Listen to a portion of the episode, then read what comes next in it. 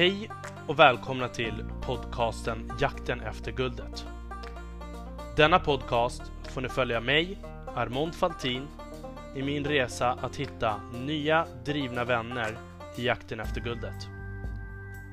I denna jakt söker jag kunskap, nätverk och relationer.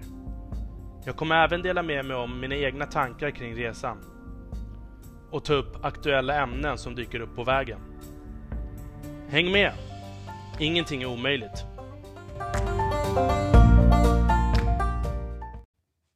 Hej och välkomna allihopa till ännu ett avsnitt av Jakten efter guldet. Med mig idag har jag en riktigt superstjärna. Um, hon kallas för Queen of Zero. Hej och välkommen Marianne Stjärnvall. Hej. Hur står det till? Tack så mycket. Tack för att jag var här. Det är, det är bara bra med mig, tack. Frisk och kry. Mm. Du jobbar ju på TUI Yes, och coronatider. stämmer. Ni är ju rejält drabbade. Mm. Hur ser det, hur ser det ut där? Jätte, jättebra fråga. Ehm, det har varit supertufft. Vi fick ju direkt ta ordentliga tag. Ehm, alla i princip på TUI är permitterade just nu. Vi kör ju bara på den kapaciteten som vi verkligen behöver för att ja, kunna ta hand om alla som har bokat resor och sånt som faktiskt inte kan åka iväg på dem nu. Eh, det resterande arbetet och kanske det som jag sysslar mest med, och- med webbplatsen och så, det, det är väldigt mycket on hold och vi, vi gör bara det kritiska som vi behöver. Och det har självklart haft jättestor effekt på, på teamen på, på TUI också. Folk som inte har, har kunnat vara kvar. Ja, verkligen. Det kan jag verkligen tänka mig. Jag tänkte så här, innan vi går in på en fördjupning så ska jag ställa några snabba frågor för att lära känna dig lite grann. Ja, absolut. Vi börjar med, vad är den vanligaste missbedömningen folk har om dig?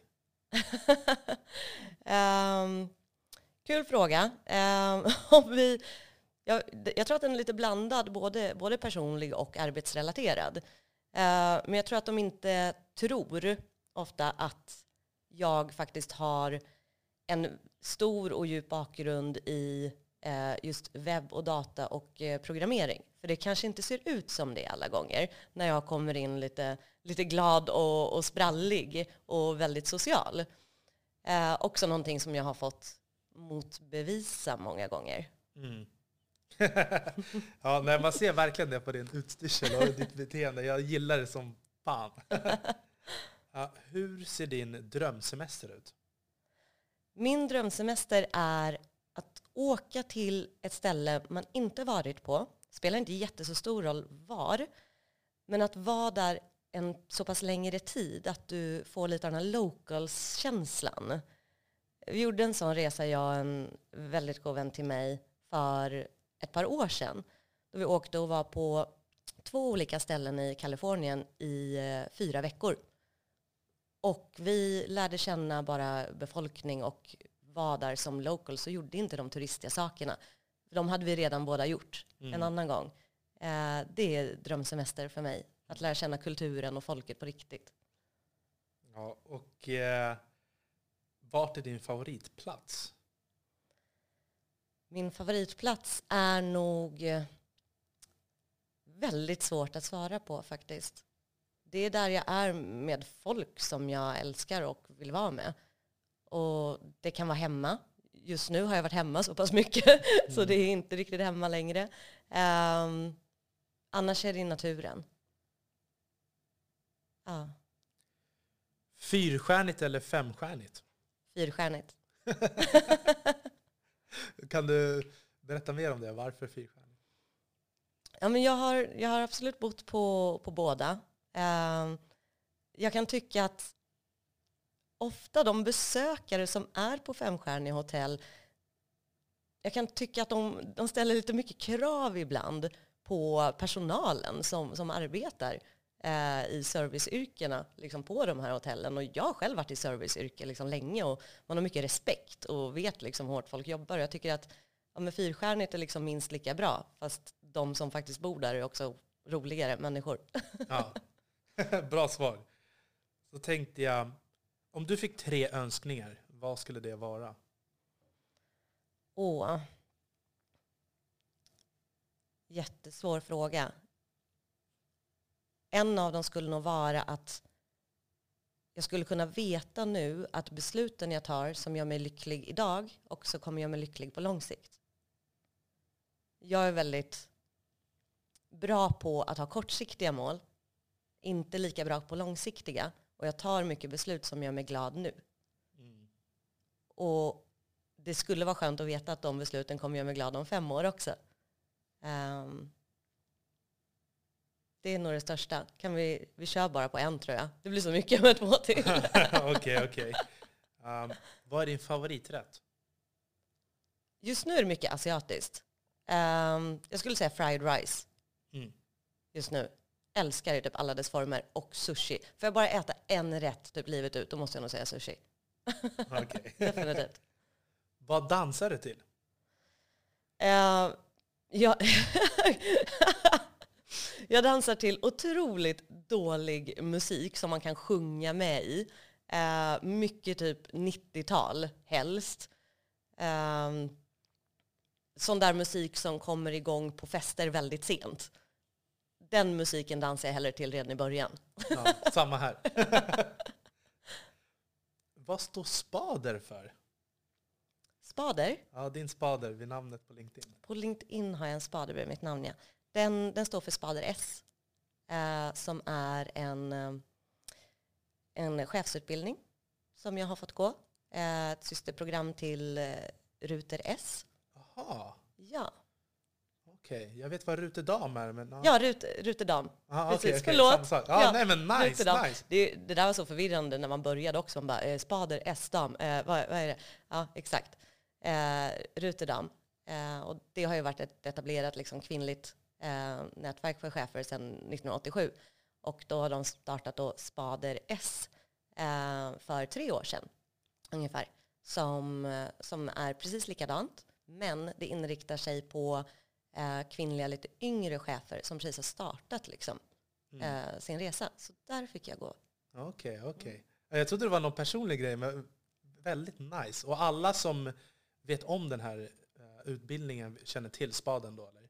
Exakt. Och de som har gått eh, Ruterdam, de har en ruter ja. bredvid sitt namn. Så det är en grej man ah, gör. Okay. Och då känner man igen varandra och eh, det blir ett väldigt häftigt nätverk på det sättet. Mm. När jag såg den här spaden, jag tyckte bara fan vad cool hon är. Uh, det här spaden måste ju vara typ att hon är öppen och hon är rak. Och så började jag spekulera alla möjliga saker vad det egentligen betyder. Nej, vad roligt. Nej, men, det, det kan jag tyvärr inte ta åt mig äran för. ja, men nice. Då har vi fått höra lite mer om dig. Mm. Nu tänkte jag kort lite grann, vart är du uppvuxen någonstans? Och gått i skolan och sådär. Vem är Marianne? Jag är uppvuxen i Sollentuna i ett eh, lite mindre villområde mellan liksom Sollentuna centrum och Helenelund. Um, ehm, uppvuxen där fram tills jag var tio ungefär. Då flyttade eh, jag och eh, min mamma och min bonuspappa och min bror till eh, Skåne. och eh, bodde i Sjöbo av alla ställen faktiskt utanför Sjöbo så ligger en liten kommun som heter Vollsjö.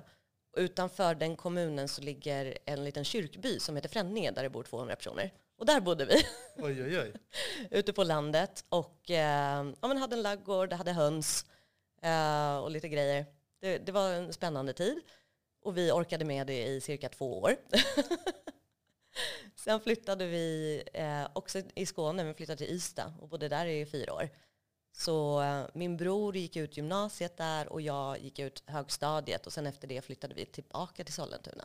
Då var, vi, då var vi klara med Skåne och har gjort det. Liksom. Ja.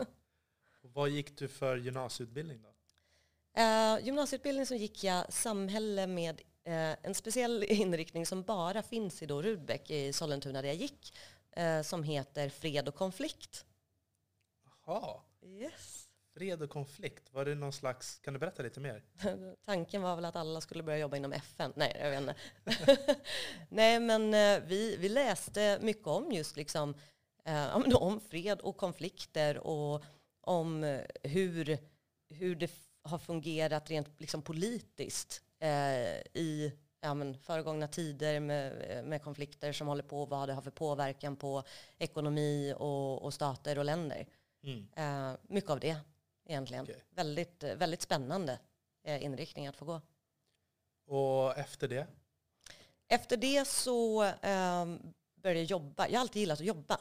Jag har alltid jobbat ganska mycket. Mitt, mitt första jobb eh, tog jag, tog jag säger jag faktiskt, för det gjorde jag nästan, som, som 12-åring. Eh, när vi hade sommarstuga då nere i Skåne så fanns det, du vet när det är så här lite café i så här som har lite café och lite tidningar och lite kiosk sådär. Eh, jag cyklade dit en, innan en sommar en gång och sa att hej, jag vill eh, sommarjobba här. Då sa de att nej, men det har vi redan folk som gör, så det går inte. Jag bara, nej. Cyklade jag hem och sen cyklade jag tillbaka dit typ dagen efter och bara, ja men jag vet. Ehm, de andra liksom restaurangerna och sånt där som ligger här, de delar ut liksom reklamlappar i alla sommarstugors brevlådor för att visa upp sig. Det har inte ni gjort. Ni behöver det. Jag gör det åt er. Mm. Eh, så lyckades jag övertala dem att de behöver marknadsföra sig själva. Så jag som 12-åring tog min bror som var bra på att rita och han ritade av det här fina kaféet och jag tryckte upp det och lite text på så pamphlets och delade ut i det här sommarstugeområdet som vi bodde i. Eh, nej, men så jag har alltid gillat att jobba, så jag hoppade på att jobba heltid direkt efter gymnasiet. Eh, jobbade på Sara, eh, butikskedjan. Ehm, och jobbade där i fyra år efter gymnasiet. Och gjorde lite allt möjligt kul. Var liksom i, i butik och nere på lager och var lageransvarig och var biträdande butikschef i Sturegallerian och sen var jag manager på barnavdelningen på Drottninggatan som var deras liksom flagship sådär, eh, i ett år. Sen, sen var jag klar med det. Eh, och då ville jag ha ett eh, så här, vanligt vardagskontorsjobb, liksom 9 till 5. Jag var, det var så mycket så tidiga leveranser och så helger och så hux flux. Så jag var lite färdig med det där. Så då hoppade jag in och um, fick jobb på IDG, International Data Group, Mm. eh, som projektledare för att sätta ihop tematidningar till Computer Sweden, då, deras stora papperstidning liksom, som de hade. Ehm, och var där fram tills jag tog beslutet att eh, börja plugga på universitet. Nice. Och vad, vad valde du att plugga och vilket universitet? Ehm, ja, det var lite intressant. Jag hade ju aldrig velat hoppa på det här med universitet tidigare. Just För? för att, just för att jag inte visste vad jag skulle vilja göra resten av mitt liv. Lite komma tillbaka till det här besluten jag tar nu. Här trivs jag med dem om liksom fem, tio år? Vill jag göra det här? Ehm, och börja plugga lägger man ner väldigt mycket, mycket tid och engagemang på. Och då vill man vara säker på att jag vill göra det här liksom efter också. Mm. Och då pratade jag med, det var faktiskt på en after work, pratade med en kollega på IDG. Och så sa den här personen att liksom, du verkar så himla intresserad av datorer och liksom IT och grejer, varför pluggar du inte det? Och jag hade liksom aldrig tänkt tanken på att, nej men gud man kan ju plugga det här. Jag hade någonstans haft en så här skev bild i huvudet att de som sitter och programmerar, det är ju bara folk som har gjort det här sedan de var sju i en källare och lärt sig själva och är skitbra redan nu. Jag är ju för sen på det här, 23 år. alltså. Ehm, men, men det var jag ju inte. Så jag blev ju svintaggad på det där och kollade upp um, institutionen som heter DSV, alltså Datorsystemvetenskapliga institutionen som Stockholms universitet och KTH har tillsammans i Kista. Okej.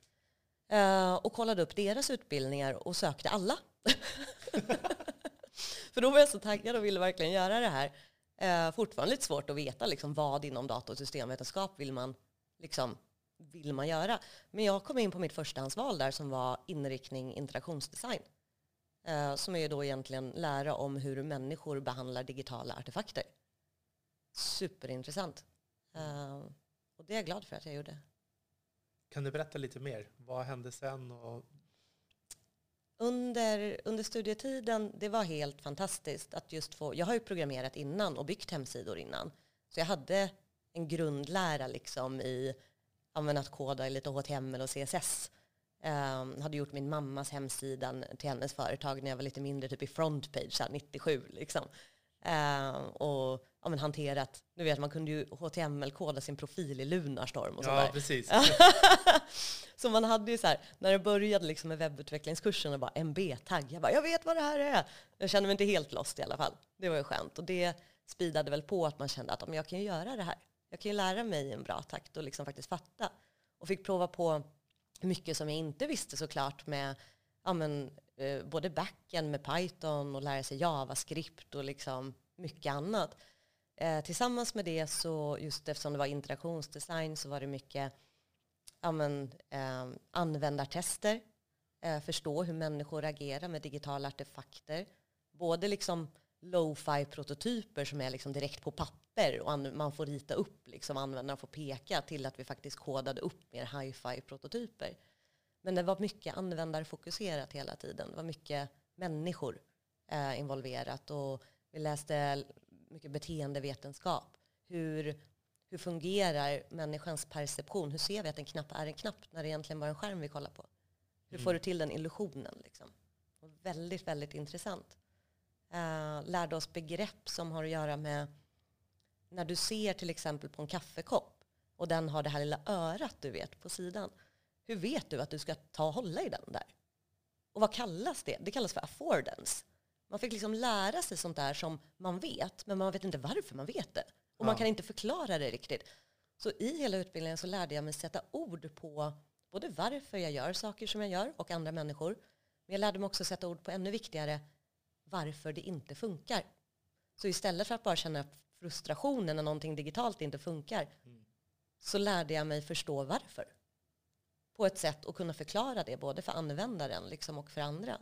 Det måste vara världens skönaste känsla. Ja, all, det var som att allting bara föll på plats. Det är det enda man vill veta, varför om allting. Ja, lite så. att, eh, vad hände sen? För du sitter ju på väldigt eh, intressant roll idag. Jag vill inte hoppa för långt ifall du har mer i historien att berätta. Nej, men precis. Um, efter studierna, ja, det här var egentligen samtidigt som studierna faktiskt. När du, är typ, när du sitter liksom i studiestolen och har typ ett halvår kvar, då börjar du så här slå upp för dem. vad ska jag göra sen? Vi har liksom läst något så brett inom liksom IT och, och webb. Alla behöver ju det här. Alla organisationer, alla branscher. Mm. Det är lite så här, okej, va- vart vill jag? Eh, och det var jättesvårt att svara på, för det finns ju fördelar och nackdelar med akademiska utbildningar. Och en nackdel är att du får inte riktigt se hur arbetet faktiskt är när du ska, innan du kommer dit, liksom, så att säga. Mm. Eh, vi hade ingen praktik eller sådär. Så jag började fundera på det och då var det många som gjorde ungefär samtidigt. Ehm, och då tog jag väl det första beslutet att okej, det första jag gör det är att jag uppdaterar min LinkedIn. Eh, och liksom får den att vara nice. Det borde liksom ändå kunna ge någonting och så får man börja, ja, men börja där, börja smått liksom, med något som jag vet att jag har lite kontroll över. Och så några veckor efter jag hade gjort det så får jag ehm, ett, ett meddelande på LinkedIn av en person som skriver att ungefär hej, du har en väldigt intressant profil. Eh, jag antar då att det är bara för det jag har pluggat, för jag hade inte så mycket annat där på. Men han skrev det i alla fall och skrev att ehm, vi har en, en roll öppen här på vår byrå. Det här var iProspect eh, som skrev. skrev att vi har en roll öppen på vår byrå som CRO-specialist. Eh, vill du komma in på en intervju? Eh, och jag blev ju skitglad, det är klart man blir det. Man pluggar, man vet inte vart man ska och någon säger att det finns ett intresse. Eh, så det är klart man blir jätte, jätteglad över det. Men samtidigt var problemet i det att jag hade aldrig hört talas om det här förut. Vad är CRO? Alltså jag har gått en akademisk utbildning, vi har inte, det är ingen som vet vad de här akronymerna betyder. Liksom. Så okej, jag får höra det och vad gör man då? Man googlar. Eh, det här var sex och ett halvt år sedan ungefär. När man googlade CRO för sex och ett halvt år sedan, då kom det egentligen upp en sak. Och det hade inget med CRO, det jag faktiskt gör, att göra med. Utan det var, då kom det upp en eh, tysk rockgrupp som heter CRO. Det var liksom det som fanns på Google och så fanns det några roller på Wikipedia som jag inte tyckte riktigt passade in efter att ha gått in på iProspect hemsida och kollat liksom vad de höll på med. Eh, så ja, men vad gör man? Så här, jag, jag är alltid en ganska öppen och ärlig person eh, och transparent. Och eh, så jag, nej men så jag svarade helt enkelt på det här mejlet och skrev något i stil med att ja, det gör jag jättegärna, jag kommer gärna in på en intervju eh, om ni berättar vad CRO är för någonting. och eh, ja, men det gjorde de ju gladeligen.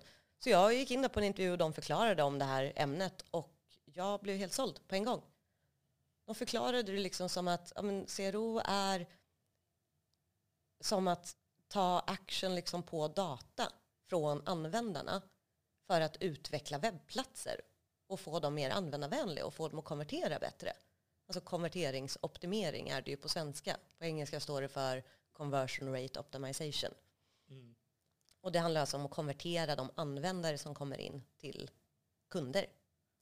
Kan du göra en bättre förklaring? Vad är CRO? Okej, okay, en bättre förklaring om vad CRO är. Uh, CRO är en blandning mellan massa olika områden. Um, väldigt kort förklarat då, eh, hisspitchen om vad CRO är. Tänk dig att du har en hemsida. Eh, vi säger Ellos till exempel, bara för att ta någon. En vanlig e-commerce. När du går in där på hemsidan så lämnar du av dig data. Det är varenda knapptryck du gör, varenda scroll du gör, liksom allting. Allt det datat samlas in.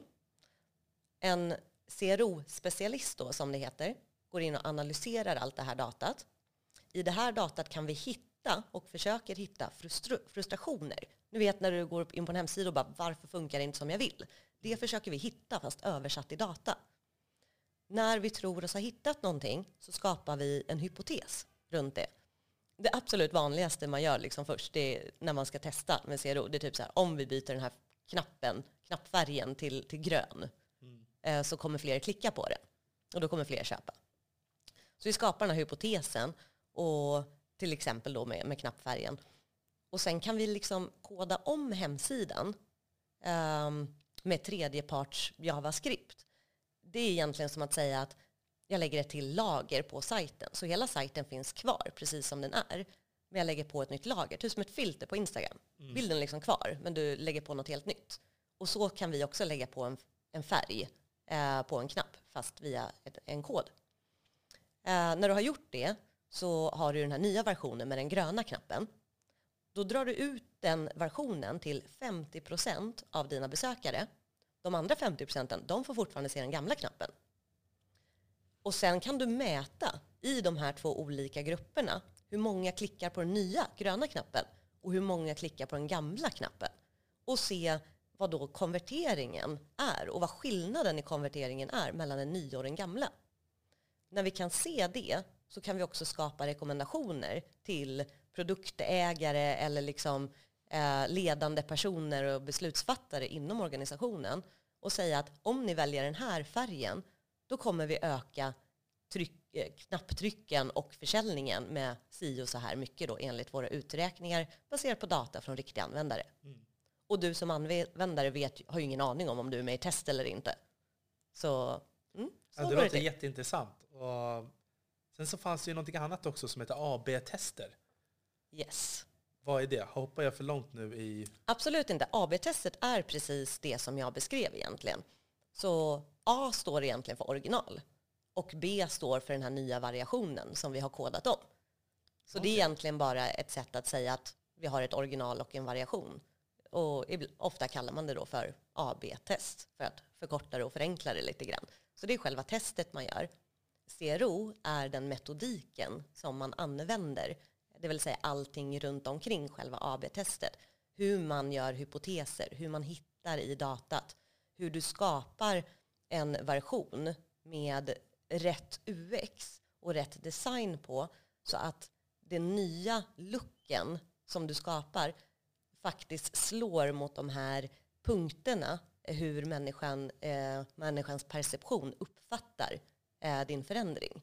Så det ser liksom hela metodiken runt omkring kan man säga. Alltså det låter så himla intressant när du förklarar. Jag verkligen älskar att höra det här. Men hur var det att komma in på iProspect utan att liksom veta vad du skulle göra? Eller vad? ja, det var ganska intressant. Uh, jag hade ju en chef där då som, som lärde upp mig i CRO. Uh, han var helt fantastisk. Och eh, jag fick ju dyka in direkt i data och bara lära mig allt. Och det var ganska enkelt, för jag, jag älskade det från första början. Liksom. Jag visste att det är det här jag vill göra. Det är en, som en blandning mellan problemlösning, data, programmering och människor. Det är en sån där kombination av en roll som inte är så vanlig. Och jag tror att den passar mig för att det jag kan och gör, just den blandningen mellan det logiska i data och programmering och människor, det är också jag som person. Jag behöver båda dem. Mm. Jag vill inte bara göra en av dem. Liksom. Jag behöver den blandningen. Så det, det passade perfekt, så jag lärde mig väldigt, väldigt fort. Um, och den chefen slutade faktiskt bara ett halvår senare. Så då var det bara jag uh, som jobbade med det. så jag var liksom lite tvungen. Jag tackar honom nästan för att han, för att han slutade. För då fick jag liksom visa uh, vad, vad jag kunde och behöva växa ännu snabbare. Och fick direkt ta på, ta på mig att göra masterclasses liksom, som företaget höll för alla sina kunder och förklara för andra vad CRO var och lära ut direkt. Nice. Och det lär man sig ju på. Um, nej men, så det, det var en fantastisk resa på iProspect. Jag fick ju jobba med så många olika kunder där också. Uh, och lära mig väldigt mycket genom att jobba just mot olika branscher. Uh, som jag tror är väldigt, väldigt nyttigt. Efter det så valde jag ungefär efter två och ett halvt år att gå vidare inhouse. Då kändes det liksom som att jag har haft så många olika kunder och jag börjar nu växa väldigt mycket inom CRO. Men i Sverige på den tiden så var det inte så många företag som satsade just på att ta in en heltidare liksom, som CRO-specialist. Utan man kanske köpte en konsult då, som jag var via i Prospect, kanske två dagar i månaden. Man hann liksom inte göra så mycket. Och jag ville göra liksom allt det från ax till limpa. Alla de här färdigheterna jag lärt mig vill jag sätta in action. Liksom. Um, så jag stack till Bonnier News då och jobbade med Dagens Nyheter och Dagens Industri för att få igång deras, eh, deras CRO AB-tester eh, inhouse. Mm. Det var väldigt häftigt. Ett häftigt företag att få vara på och lära känna. Men det var också där som när man hoppar inhouse från att ha varit på byrå, det blir väldigt annorlunda. Eh, på en byrå så är du runt massor av människor som har samma intresse som du har. Även om det kanske inte var CRO rakt ut så är det liksom massor av specialister som är grymma liksom inom samma typer av områden som du kan lära dig ifrån. Och på Bonnier News så blev jag väldigt själv i den rollen. Jag saknade det här nätverkandet mycket och att få lära mig från andra. Mm. Um, det är en så viktig del i att växa hela tiden och viktig del av min passion. Att få lära mig hela tiden och inte att få båda sidorna, både ha de personerna runt omkring dig men också få lära ut till nya liksom, på företaget. Men det blev lite ensidigt där. Um, så jag löste det. det var lite där jag kom på att okej, okay, men jag, vad gjorde jag då på iProspect som var så, så bra för mig? Och det var just att jag var ute en del och liksom, jag var ute mycket hos kunder. Jag lärde ju kunderna och fick träffa nya personer där och liksom, ja, men nätverket var större hela tiden. Så jag tänkte att okej, okay, men jag kan ju fortsätta göra det här, fast på sidan om. Och liksom vara ute på events och prata och träffa folk inom samma bransch. Och lära ut på skolor och annat. För jag hade fått lite förfrågningar då om att göra sånt. Mm. Tänkte, men jag kan göra det mer. Samtidigt som jag gör det här. För det där har jag liksom redan, det är bara att köra. Uh, så då startade jag mitt egna bolag. Um, och då fick jag liksom lite av båda världar. För att kunna göra det här. Mm. Jäkligt nice. Ja, det var sjukt kul. Um, lite förvånad blev jag då. För um, precis som du nämnde innan det här med uh, Queen of Zero som blev lite mitt smeknamn på i Prospect faktiskt. Det var ju även det första namnet jag skickade in uh, för att döpa mitt bolag till. Och jag fick det godkänt. Vilket är helt sinnessjukt. Jag skickade faktiskt in det lite på skämt och blev lite förvånad när jag helt plötsligt nu har ett företag som heter Queen of Zero. men, eh, men ja, då kan ingen annan ta ifrån mig det i alla fall. Precis, men du är ju Queen of Zero. ja, um, så, så, så blev det med det. Och TUI. Ja. Vad är TUI? Ja men TUI blev ju för mig ett väldigt naturligt nästa steg efter Bonnier News. Um, en roll som jag faktiskt tackade nej till tre gånger. blev sen den, den häftigaste rollen i mitt liv.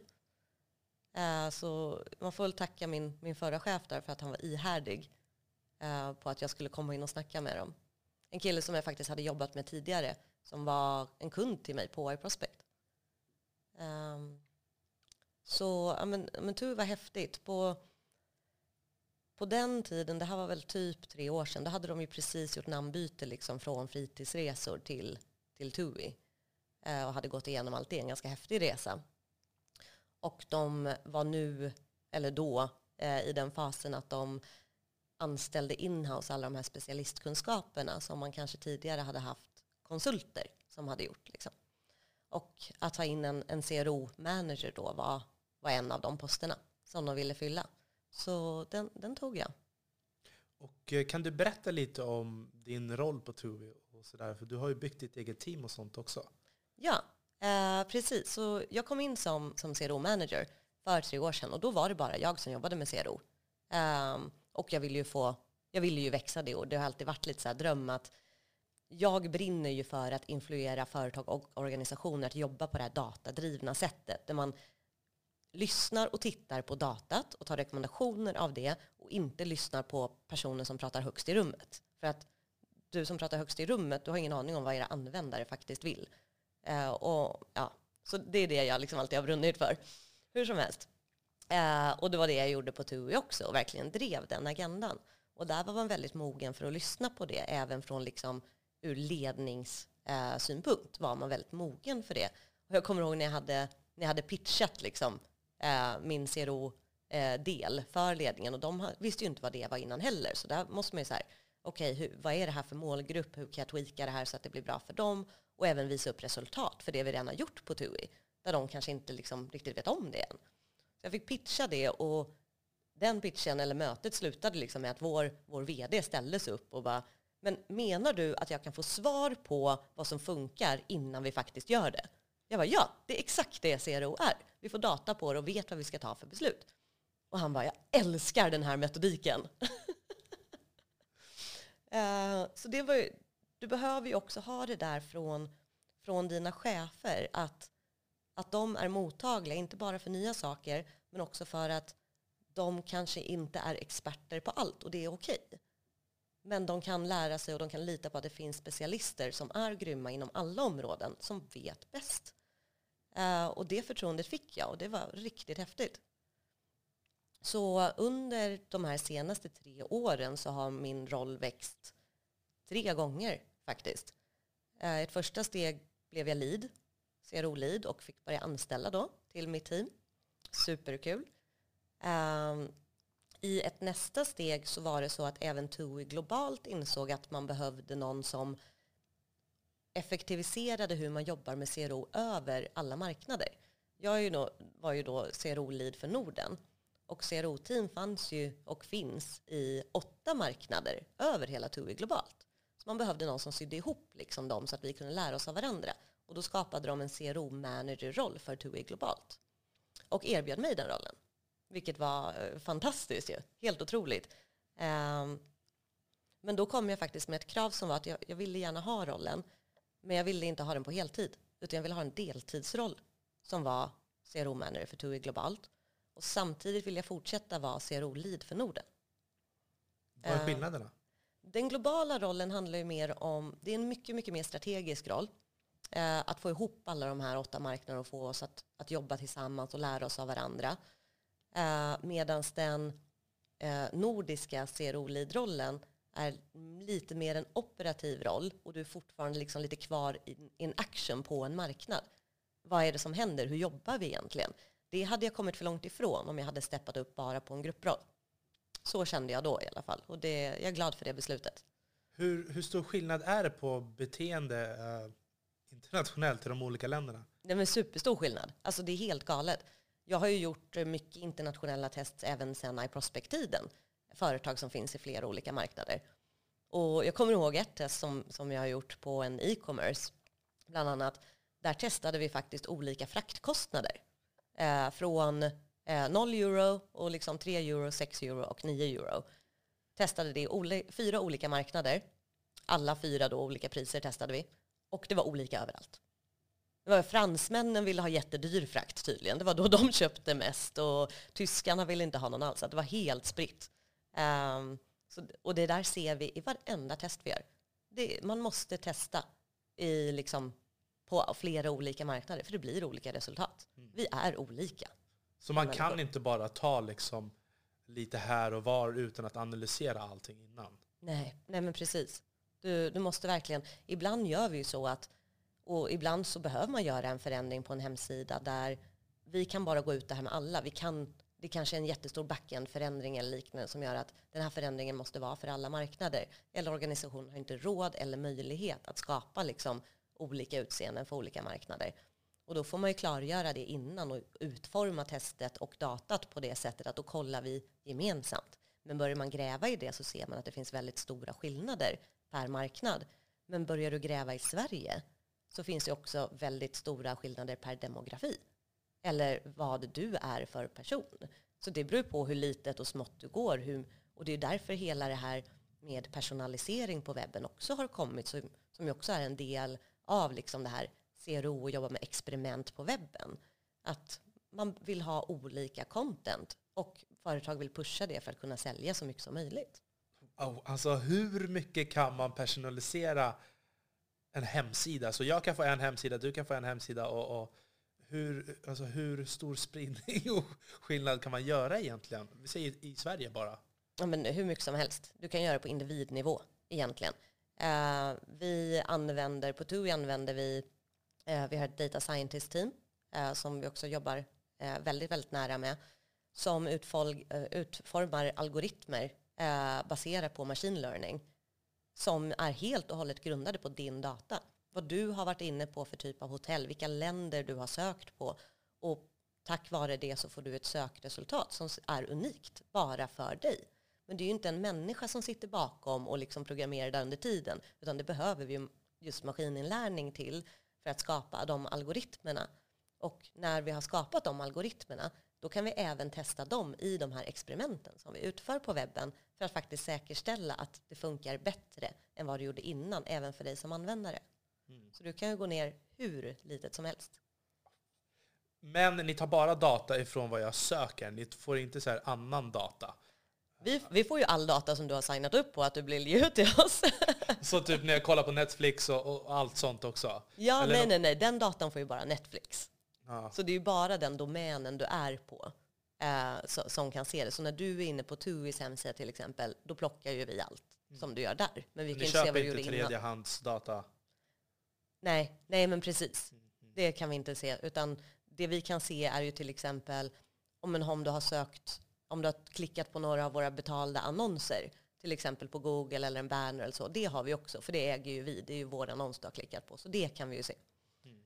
Ehm, men inte mycket mer än det liksom runt utanför sajten. Jag tänkte också kolla lite organisatoriskt, eh, chefsnivå och sådär. Um, när känner du att du är som bäst som chef? Och um, ehm, det är när jag har kul. Och när det är utmanande. Åh, vilken bra fråga. Det är nog två delar i det här. Jag skulle säga att när, när jag har kul, vilket jag har när jag jobbar med CRO, så, så blir det liksom bra för jag gör det med hjärtat. Um, och det kommer väldigt naturligt. Det, det är liksom jag. jag. Jag låtsas inte vara någon.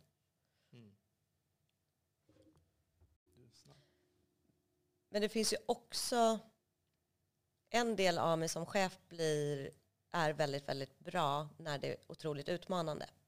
När jag ställs inför svåra situationer. Um, när jag blir stressad så blir jag väldigt lugn och tänker fort och ganska logiskt och resonligt. Och kan stänga av mina egna känslor i det om det behövs. Ett, ett exempel på det som jag faktiskt kom att tänka på häromdagen av en händelse var så pass tidigt som när jag jobbade på Sara. Då var jag ju ung. Jag var liksom 21. Um, ehm, vi, jag jobbade inte den dagen utan fick ett samtal från butiken där de berättade att en av våra anställda har varit med om en olycka. Eh, och det har varit en gasexplosion hemma hos henne. Och hon omkom direkt. Eh, jag var då i bilen med en vän till mig som skjutsade mig in till in till jobbet. Det var ju butik liksom. Och jag kommer ihåg jag gick in där och alla i personalen gick omkring och var helt rödsprängda i ögonen och liksom grät. Och det är ju klart att de besökarna har ingen aning. Och jag möttes av en av Sverigecheferna för Sara som hade hoppat in och var där och hjälpte till. Och hon sa direkt till mig, vad gör du här? Gå hem. Du behöver liksom inte vara här och göra det värre. Och jag bara kollade på henne och bara, nej jag ska vara här. Jag ska vara här för personalen. Um, och då gjorde ju det att jag kunde ta upp personer och både liksom lasta av dem så att de inte behövde vara i butik uh, och även prata med dem. Och lugna ner dem liksom och se till att de fick det de behövde. Och det var kanske en vecka senare när jag satt med en av de andra cheferna eh, från, från Sara och vi satt och pratade i ett rum bara vi två. Då kunde jag släppa och då bröt det för mig. Liksom. Men jag har alltid kunnat vara sån och varit väldigt bra på att vara där och stötta och när det verkligen behövs. Då kan jag steppa upp. Mm. Krisexpert. Mm, lite så. Kanske från fred och konfliktkurserna i skolan. Precis. Kanske de som spelar in. Men det, har verkligen, det är något som, det är ett extremt exempel, men så har det verkligen varit hela tiden för mig. Du är sämst som chef när? När man inte, när man inte kan kompromissa.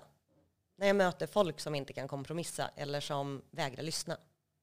Som tycker att deras åsikt alltid är bäst. Och jag har, titta, jag har data som säger annat. Och de fortfarande vänder huvudet åt andra hållet. Um, det, det har jag svårt att respektera. Och blir frustrerad min frustration när den kommer, kommer alltid ur ett ställe av passion. För att jag bryr mig så himla mycket och vet att vi ska titta på det här datat. Möter man någon då som vägrar, ja, då, då behöver jag gå därifrån ett tag. Vad behöver chefer göra mer av?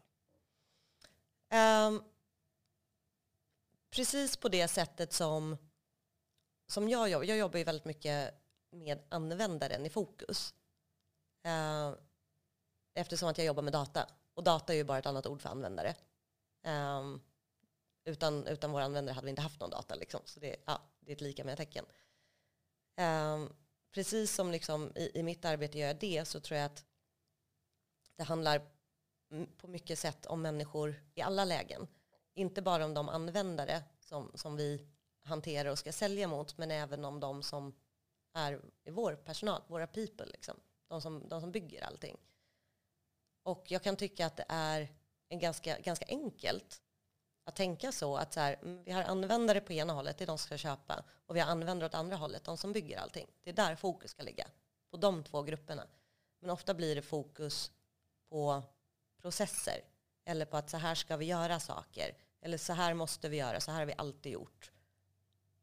Men, och det blir lite det som ofta blir utgångspunkten hos många chefer.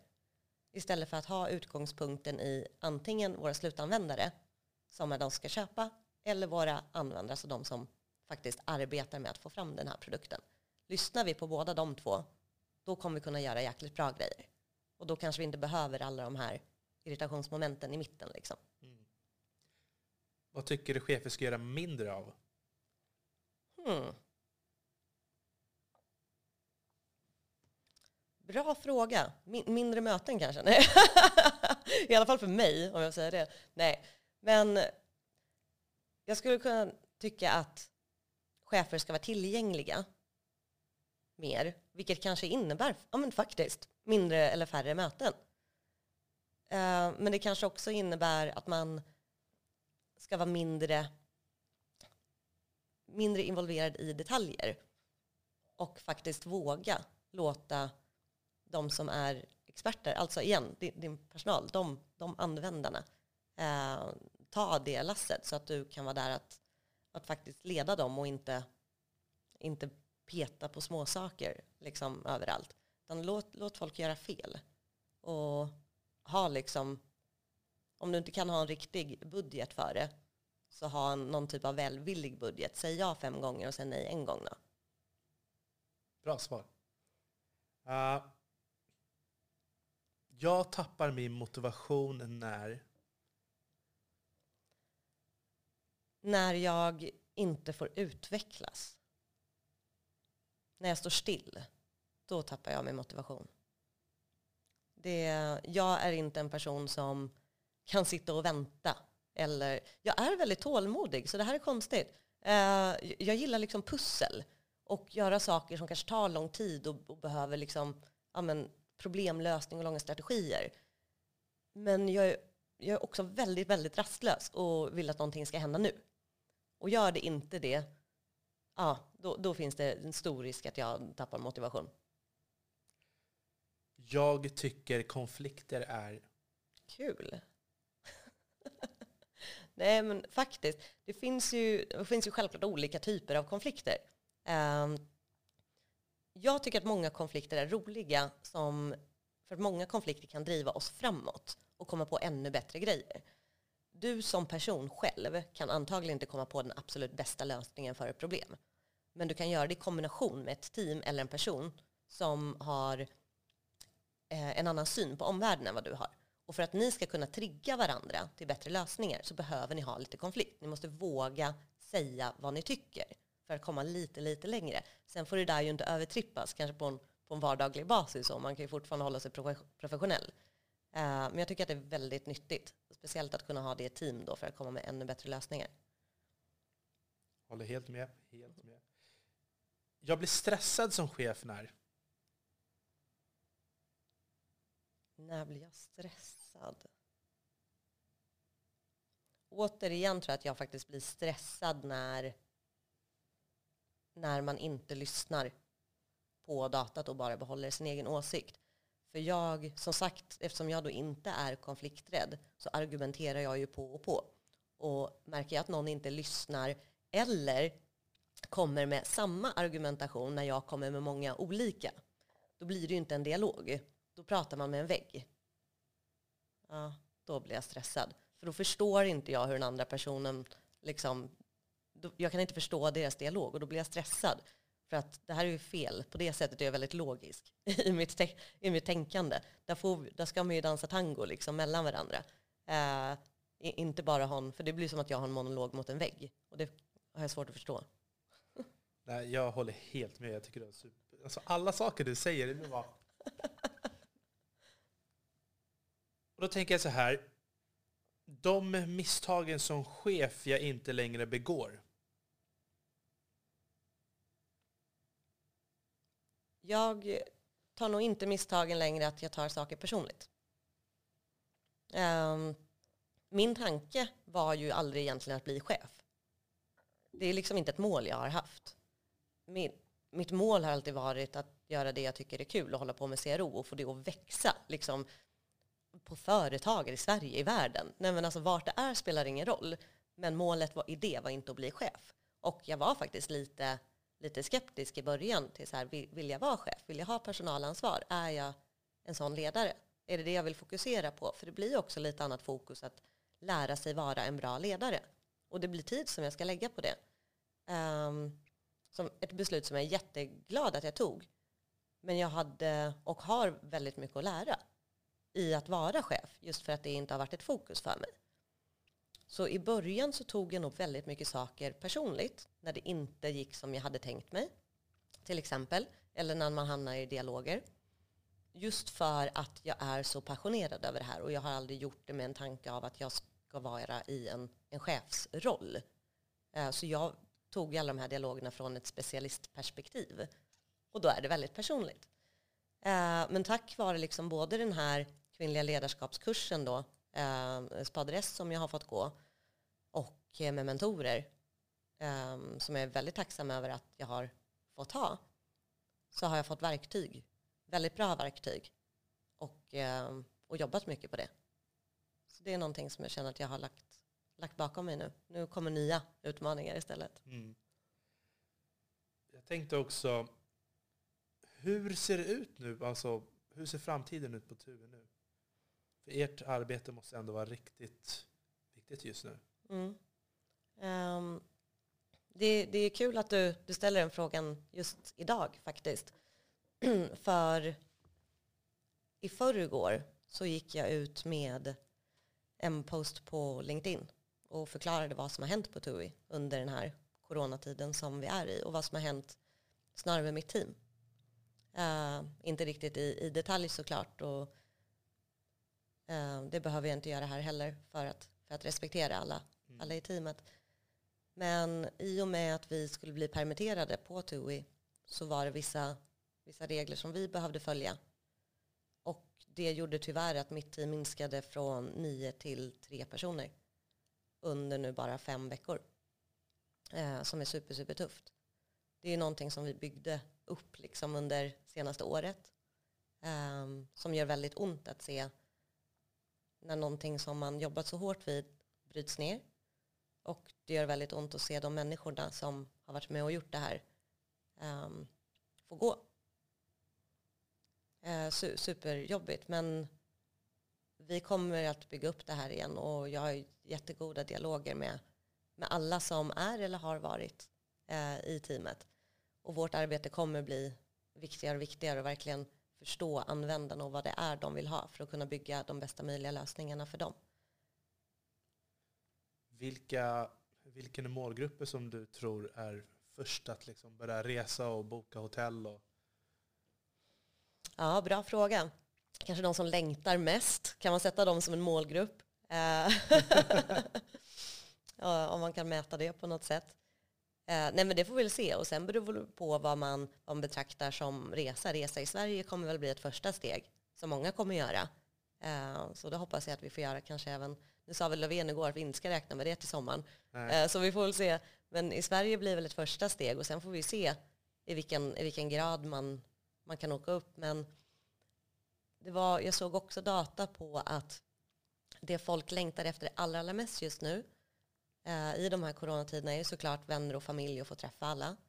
Men nummer två på listan var att resa. Mm. Jag tror det var 23 procent som hade sagt att det är det de längtar efter nu. Så det finns ju verkligen en vilja av att åka ut och utforska världen igen. Så det ska bli så spännande att se vart är vi efter allt det här? Hur ser det ut? Hur har alla våra användare förändrat sig? Vad behöver vi förändra för att kunna matcha dem? Det kommer bli superspännande. Och då kommer vi bygga upp liksom he hela teamet igen. Vi kommer behöva så mycket bra folk. Och jag har redan frågat alla, jag bara, kan jag ringa dig så fort vi kör igen? De bara, ja, jag vill det. Man bara, okej, okay, bra. Mm. Nej, men alltså, jag har ju pratat med många av mina kompisar, det är samma sak där. Alla längtar över att få resa igen. Men eh, priserna, hur kommer det se ut där? det har jag ingen aning om, det jobbar inte jag med. Nej, nej, det bryr jag mig inte om. Det är väldigt många som har pratat om att det kommer bli höga priser nu. Ja, vet du vad, jag har så lite koll på det så att det tänker jag. det kan jag liksom inte ens uttala mig om, för det kommer bara, bara bli fel. Uh, men har ni några frågor om vilken färg knapparna ska ha, då, då kommer det till mig. Okej, okej. Okay, okay. uh, vad har du för drömmar annars då, utanför jobbet? Har du några drömmar? Utanför jobbet? Mm. Ja, jag har en dröm. Det är att jag någon gång, gärna ganska snart i framtiden, vill bo på ett ställe så att jag kan ha en saxofon utan att störa grannarna. Nice. det är, typ är det vinter eller sommarsemesterställe? Alltså, var, var skulle det kunna vara? Nej, men det kan vara var som helst. Det kan vara... Nej, men eh, ett, antagligen då är det väl svårt att bo i hus, för både radhus och lägenhet blir nog för nära och då kommer jag nog störa grannarna. Mm. Uh, men att på något sätt bo så att jag kan spela saxofon igen. Det vore trevligt. Nice. Hur länge har du spelat saxofon? Uh, jag började när jag var nio faktiskt. Uh, jag spelar ju inte just nu då, på grund av lägenhet. Jag hyrde faktiskt en en sommar för ett tag sedan för att liksom få upp det där igen. och bodde ju då också i lägenhet, så jag fick hyra tvättstugan och spela det där. det var inte liksom svinkul. Uh, så, så, jag struntade i det efter den sommaren. Men jag vill, jag vill ta upp det igen. Det, det är roligt med musik. Jag har alltid hållit på mycket med musik. Så, uh. Har du eh, partner och så nu eller? Nej, inte för närvarande. Söker du partner? Absolut, alltid. Alltid? Nej, jag skojar bara. Äh, men det, det har varit intressant det där. Just när det har varit så otroligt mycket jobbmässigt. Både liksom att och ha mitt eget företag på sidan om så skjuter man lite saker skymundan. Och jag har fått det lite så här sagt till mig av folk jag vet bryr sig väldigt mycket om mig eh, professionellt, som, som liksom har jobbat med och kollegor som har sagt det där. Men du kan ha båda vet du. Jag bara, ja, jag vet, jag måste försöka fokusera på det också. Lite. Men vad tror du då? Kan man ha båda? Absolut. Det tror jag definitivt. Jag tror bara att mitt fokus har varit väldigt mycket på, på jobbet för att jag älskat det så mycket. Att jag kanske inte riktigt har gett utrymme för något annat. Um, men under de här liksom tiderna när man har varit hemma en del så börjar man fundera på att ah, kanske ska ge det där lite utrymme också. Men du måste ju träffa jättemycket intressanta personer i, inom ditt yrke. Blir killar rädda för dig då eller? Ja, um, nej det tror jag absolut inte att de blir inom yrket. Uh, jag har träffat väldigt mycket bra killkompisar liksom, som är branschkamrater, liksom, som är superhärliga. Jag tror inte att jag skulle vilja jobba med, eller vara tillsammans med någon som jobbar med samma grej. Liksom. Jag skulle nog bli för tävlingsinriktad tror jag. det finns en risk, en stor risk i det. Uh, sen, sen, tror jag att det är jätteviktigt i ett förhållande att kunna prata om, vara genuint intresserad av varandras vardag, vardag och det man gör på jobbet. Men man behöver inte jobba med exakt samma grej. Jag tycker att jag, jag, ser en eh, ganska röd tråd bland alla mina gäster. faktiskt. Det spelar ingen roll om det är tjejer eller killar. Alla är liksom helt inne i sitt arbete. Och så har partnern fått hamna lite efter. Det är därför jag frågar. Så att liksom Aj då. Ja, då får vi alla har bättre exakt oss. samma svar. Äsch då. Ja, det, det ligger nog säkert någonting i det då. Med det datat som du uppenbarligen har samlat från oss. precis, precis. Uh, vad skulle du, har du någonting du skulle vilja tipsa om? Om någon vill börja jobba inom CRO? Ja, jag skulle säga att um, om ni tycker att det är svårt och inte vet var man ska börja, för det, som sagt, det behandlar ju så många olika områden, analys, UX, utveckling, liksom, beteendevetenskap, uh, så fråga mig. Gör gärna det. Liksom. Skicka en fråga på LinkedIn. Jag har många liksom, direkta svar, jag har hjälpt många och jag gör gärna det. Det är därför jag är ute på skolor mycket också och, och snackar om det och håller lektioner för att jag tycker det är kul och viktigt att lära vidare. Det finns mycket bra utbildningar nu um, som handlar om just liksom, där konverteringsoptimering är en del av det som är både på Bergs, eh, IOM, Hyper Island eh, och Medieinstitutet. Och så finns det onlinekurser. Så det finns, det finns mycket bra material. Mm. Uh, man ska bara hitta det och lite så veta vad man ska googla efter tror jag lite kortare, snabbare då, yrkesutbildningar då. Ja, men precis. Ja. precis. Och eh, jag tycker det här får det väl vara nästan allt för idag. Yes. Var kan man hitta dig? På LinkedIn, Marianne Stjernvall. Enbart LinkedIn? Eh, just nu, ja. Min, eh, min hemsida är lite under förflyttande av domäner. Eh, men får, får återkomma med det när, när den är klar. Okay. Jag lägger ut det på LinkedIn så finns det där. Perfekt, Lente.